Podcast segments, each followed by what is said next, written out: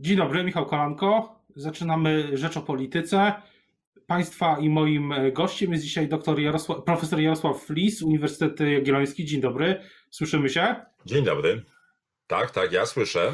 Panie profesorze, panie profesorze, chciałbym zapytać e, na początek, e, czy uważa pan, że termin wyborów 10 e, maja jest w ogóle do utrzymania? Czy w moim przekonaniu jest w ogóle nie do utrzymania, przede wszystkim ze strony organizacyjnej, to znaczy trzeba mieć świadomość, jak wielkie to jest wyzwanie organizacyjne i od czego zależy to, czy ono w ogóle się udaje. Ono się udaje dlatego, że ćwierć miliona ludzi zgłasza się na ochotnika do pracy, która no nie jest jakoś szczególnie dobrze płatna, ale no przynajmniej nie jest jakoś niezwykle uciążliwa. Natomiast w tej sytuacji ta praca będzie związana z wielkim ryzykiem, bo jeżeli w tym momencie z wszystkich komunikatów, wszystkich sytuacji w innych krajach, w których ta epidemia rozpoczęła się wcześniej, wynika, że to na pewno jeszcze będzie w trakcie, albo tuż po apogeum, albo w trakcie apogeum liczby zachorowań, no trudno sobie wyobrazić, żeby nagle dla tych ćwierć miliona ludzi oraz dla pozostałych kilkunastu milionów, które bierze udział, zawiesić wszystkie te rygory, które, które są w, w tym momencie nałożone na społeczeństwo. Nie bardzo widać w tym jakichkolwiek sens. To znaczy, trzeba sobie uzmysłowić po pierwsze, że już te kraje, które nawet wcześniej, że tak powiem, jak na przykład Bawaria, i nie odwołały wyborów w ostatnią niedzielę, miały wielki problem z kompletowaniem komisji wyborczych. I ten problem na przykład w Bawarii został rozwiązany w ten sposób, że ponieważ nauczyciele są urzędnikami państwowymi, to dostali po prostu przymus, to znaczy dostali polecenie służbowe, żeby się pojawić w komisjach wyborczych. No w Polsce coś takiego jest w ogóle niewyobrażalne i nie ma takiej możliwości prawnej, żeby kogoś zmusić, 250 tysięcy ludzi, do zgłoszenia się do, e, do komisji.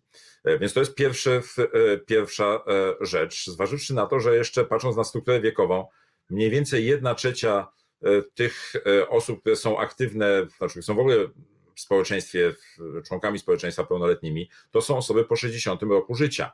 I do tej pory one dominowały. Czyli wejdę panu w słowo, wejdę panu w słowo, czyli generalnie nie da się też przewidzieć e, frekwencji, e, która byłaby e, tego 10 maja i ona byłaby po prostu nieadekwatna do tego, co w ogóle znamy z przeszłości, jeśli chodzi o polskie wybory. Znaczy na pewno jest tak, że we Francji, której też Francuzi podchodzili z nonszalancją do, e, do problemu, frekwencja spadła o jedną trzecią. W Bawarii jest możliwość korespondencyjnego głosowania. E, ci, którzy poszli do głosowania w ostatnią niedzielę, to była jedna trzecia tych, którzy e, normalnie chodzą głosować w, w takich wyborach w Bawarii, a przecież to będzie jeszcze za jakiś miesiąc po nowych doświadczeniach.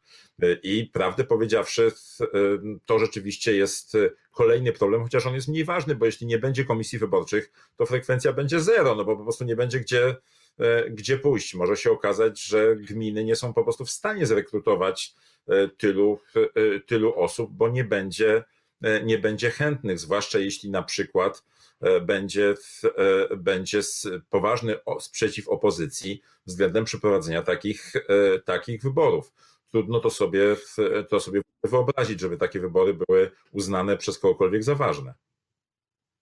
A jaką pan widzi teraz ścieżkę y, prawną, żeby mm, te wybory przesunąć? Co, co pana zdaniem byłoby najlepiej? Y, co teraz opozycja i rządzący, y, wiemy, że dzisiaj jest spotkanie, kolejne spotkanie konsultacyjne. Co opozycja i rządzący powinni zrobić? No wydaje się, że ta propozycja, którą przedstawił Piotr, Piotr Trudnowski z Klubu Jagiellońskiego jest w tej chwili najsensowniejszą, żeby zaczekać do 27, czyli no jeszcze e, tydzień z, z okładem, aż się skończy etap rejestracji kandydatów i wtedy, kiedy wszyscy kandydaci będą już zarejestrowani, e, wtedy wprowadzić e, stan nadzwyczajny, który z automatu przesuwa, przesuwa termin głosowania E, i zawiesza kampanię wyborczą, ale to, żeby ona była zawieszona na takim etapie, kiedy wszyscy mają równe, równe szanse, kiedy wszyscy są na e, tym samym, e, w tym samym punkcie kampanii wyborczej. To wydaje się logiczne rozwiązanie. Jest oczywiście jeszcze kilka innych rzeczy, które warto by przemyśleć, jeśli będzie pół roku, bo tak by trzeba było to to szacować co najmniej do kolejnych wyborów, no bo one by się mogły wtedy odbyć realnie w październiku.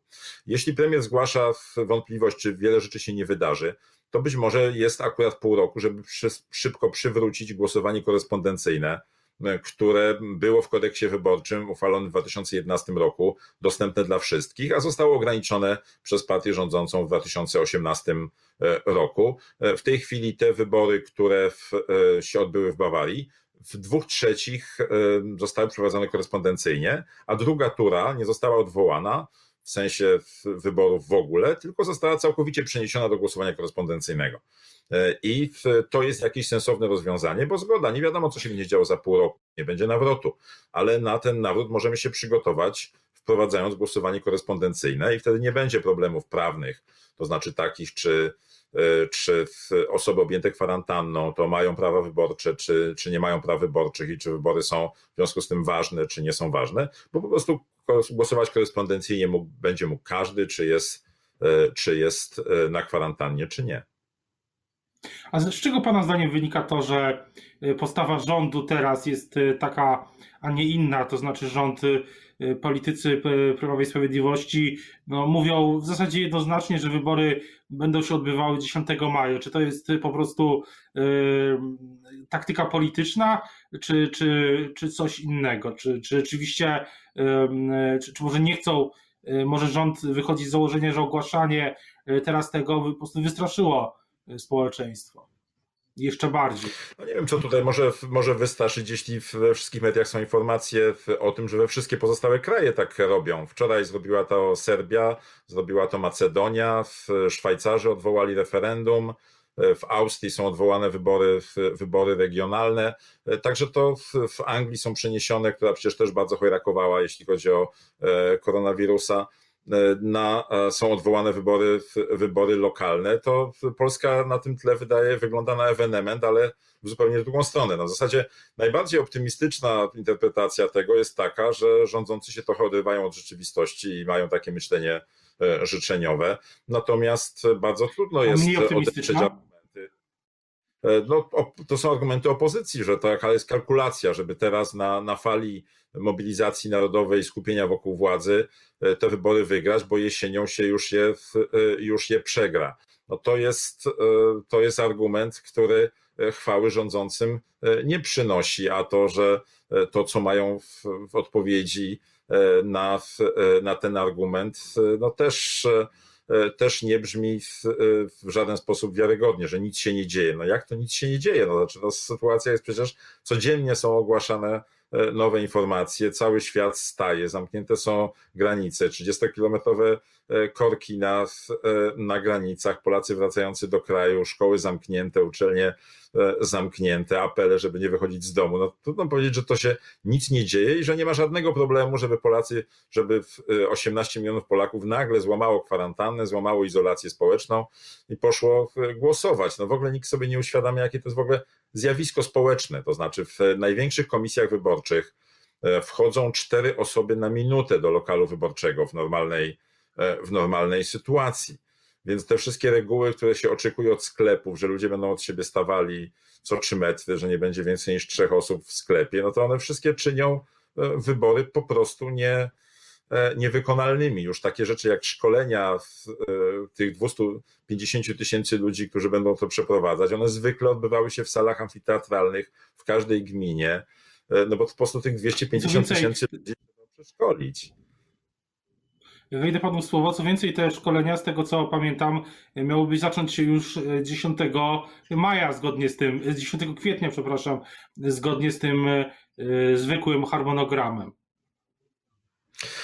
No tak, no to jest, to, e, to jest taka, e, taka e, sytuacja, której do 10 kwietnia się muszą w ogóle zgłosić te osoby. Z tego, co, co znam sytuację z poprzednich lat, to w większości, na przykład w małych gminach, wyglądało to w ten sposób, to cytat z pewnej pani wójt z gminy wiejskiej, no, że, że ona namawia swoich urzędników w gminie, żeby się każdy zgłosił, żeby w każdej komisji był jeden pracownik gminy, a resztę się upycha emerytami, cytat. A więc teraz ta grupa ryzyka, która, która jest o której wszyscy mówią, że powinna się izolować, że nie powinna wychodzić z domu, żeby im robić zakupy, to nagle będziemy namawiać, to było e, licząc e, lekko 80 tysięcy ludzi w wieku po 60 e, roku było udział, brał udział w pracach komisji w poprzednich wyborach, że my teraz ich będziemy namawiać do tego, żeby przez cały dzień siedzieli, obsługiwali kilka tysięcy osób, które przyjdzie i, i siedzieli w gromie innych osób. No to jest, to jest absolutnie pozbawione logiki.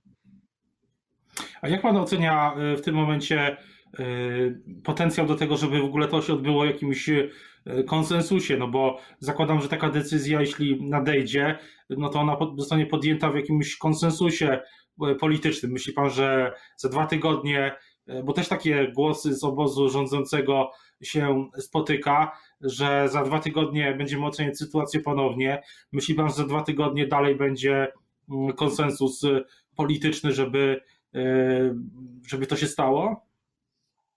Że po stronie opozycji jest już e, konsensus, to znaczy wszyscy się zgadzają, ci główni kandydaci opozycyjni, że to jest, że prowadzenie wyborów teraz jest bez sensu, chociaż przecież dla nich to jest też pewnego rodzaju poświęcenie, bo oznacza wydłużenie kadencji tej władzy, którą chce się od władzy odsunąć poprzez te, te wybory. To nie jest naturalna sytuacja, że opozycja oczekuje przesunięcia wyborów na później.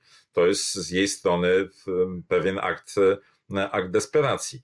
Tak naprawdę mm, cała decyzja jest w rękach obozu rządzącego. Jeśli on uzna rzeczywistość, że tego się po prostu nie da zrobić, że jest to związane z ryzykiem kolosalnym, także z politycznym e, ryzykiem e, dla samego obozu rządzącego, bo jeśli frekwencja spadnie w tej grupie powyżej 60, e, powyżej 60 lat, to tak naprawdę to obóz rządzący będzie będzie tym, który poniesie największe szkody. To młodzi ludzie, wśród których szansa zakażenia jest, e, zarażenia jest najmniejsza, e, a którzy w najmniejszym stopniu popierają obecny obóz rządzący, to oni pójdą w pierwszej kolejności głosować, więc to też jest tak z politycznego punktu widzenia nawet dość samobójcza, samobójcza strategia. Więc wydaje mi się, że obóz rządzący za te dwa tygodnie po prostu uzna rzeczywistość, powie euro jest odwołane, Eurowizja jest odwołana, wybory w całej Europie są odwołane, nie będziemy wyjątkiem w tej sprawie i, i na pewno nikt z opozycji nie zgłosi sprzeciwu. A sądzi pan, że e, możliwy jest scenariusz, w którym, e, tak jak mówi Władysław Kosiniak-Kamysz, lider PSL-u, e, aż o rok te wybory byłyby przesunięte? No nie wiemy, co się zdarzy w, w, przyszłości, jak to będzie wyglądać. Teoretycznie można to sobie wyobrazić, aczkolwiek wydaje się, że gdyby w tym momencie podjąć decyzję o wprowadzeniu głosowania korespondencyjnego, to nie byłoby już poważnych przeszkód e, do e, tego, żeby te wybory przeprowadzić jesienią. No zobaczymy, jak Bawarczykom pójdzie druga tura wyborów samorządowych przeprowadzona tylko korespondencyjnie. No to będzie jednak pewien ewenement na skalę światową, zupełnie nowe doświadczenie. Czy wybory da się przeprowadzić, nie wychodząc z, z na przykład w przypadku nie, nie gromadząc się w jednym, e, w jednym miejscu. I myślę, że za te dwa tygodnie, kiedy zobaczymy, jak Bawarczykom poszło, to wtedy będzie można ewentualnie podjąć taką decyzję, żeby przywrócić głosowanie korespondencyjne e, i przeprowadzić wybory nawet w e, takich warunkach, e, jakie mogą być za pół roku. Chciałbym też zapytać Pana trochę już na koniec naszej rozmowy o to, jak Pan sądzi, jak w ogóle ta epidemia i ten koronawirus zmieni politykę, bo to, że zmieni, to chyba wątpliwości nie mamy. Pytanie, czy, pytanie jak, czy ma Pan już jakąś projekcję, wizję tego, jaką może politykę y, zmienić w tej sytuacji? No pewnie jakoś zmieni, chociaż nie spodziewałbym się tutaj za, za wiele, dlatego że ta, te podziały polityczne i procedury mają jednak no, mocne zakorzenienie w, w historii i, i w doświadczeniach e, wielu. Na pewno będzie to wstrząs. Czy jednak będzie to taki wstrząs jak katastrofa smoleńska albo śmierć prezydenta Adamowicza, po którym wszystko w zasadzie wróciło w, e, do starego układu, tylko wszyscy mają nowe argumenty, żeby mówić to samo, co, co wcześniej. Czy to rzeczywiście będzie jakaś, jakaś poważna zmiana, to w tym momencie tego przewidzieć się, się e, nie da. Na pewno jest to, jest to wstrząs. Czy to jednak jest taki wstrząs utwierdzający stare wyobrażenia? Czy to jest wstrząs, który po prostu dzieli wszystko zupełnie na, na nowo. No, raczej bym się skłaniał ku tej pierwszej, w pierwszej tezie, chociaż na pewno wiele rzeczy takich drobniejszych się zmieni. Być może lepiej się przygotujemy na tego typu sytuacje w przyszłości, być może zmienią się priorytety, na przykład służba zdrowia stanie się realnym priorytetem dla wszystkich, a nie tylko takim dyżurnym tematem, o którym się, który się wrzuca w, w jakichś e, drobnych chwilach kryzysu. Wydaje mi się, że to może być największa, największa zmiana. Na koniec jeszcze pytanie o ten e, mijające dni, e, tygodnie już. Coś Pana zaskoczyło na plus albo na minus, jeśli chodzi o reakcję klasy politycznej na, na ten kryzys? No wydaje się, że, że jednak to te odważne decyzje są, są rzeczą, która, która jest na plus i to jest na pewno, na pewno powód do jakiejś satysfakcji dla obozu rządzącego, jeśli te decyzje, które zostały podjęte z wyprzedzeniem, później są powielane przez inne kraje, nawet te, które które chojrakowały. Natomiast na pewno na minus jest właśnie sprawa przesunięcia terminu, jakieś zupełnie uporczywe e, i, i, i bezpodstawne trzymanie się te, tego wyobrażenia, że wybory w takiej sytuacji da się przeprowadzić. Przy wszystkich tych informacjach, które sami rządzący podają, że dopiero apogeum zachorowań jest przed nami, e, że sytuacja jest zupełnie nie, e, niepewna i w porównaniu do tych środków, które zostały podjęte, żeby ograniczyć epidemię, to E, tego jednego tylko, tylko brakuje uspokojenia sytuacji w sprawie wyborczej. A, a, myśl, a dziwi pana to, że Jarosław Kaczyński jeszcze nie zabrał w tej sprawie głos, głosu w ogóle w sprawie tego kryzysu? Tego zupełnie nie wiem, z czego to wynika, ale wydaje się, że, że tak zostały podzielone, podzielone role, że wobec tego, co w tej roli, którą odgrywa premier, minister zdrowia, e, do tego jeszcze dołożony, e, dołożony prezydent, tam już naprawdę robi się e, ciasno i być może na tym, na tym podium nie ma już, nie ma już miejsca. I, i to być może jest racjonalna decyzja, żeby już w tą sprawę, w tą sprawę do kolejnego aktora nie włączać. Bardzo dziękuję za rozmowę. Państwa i moim dziękuję. gościem dzisiaj był profesor Jarosław Flis, Uniwersytet Jagielloński. Dziękuję bardzo i życzę dobrego dnia.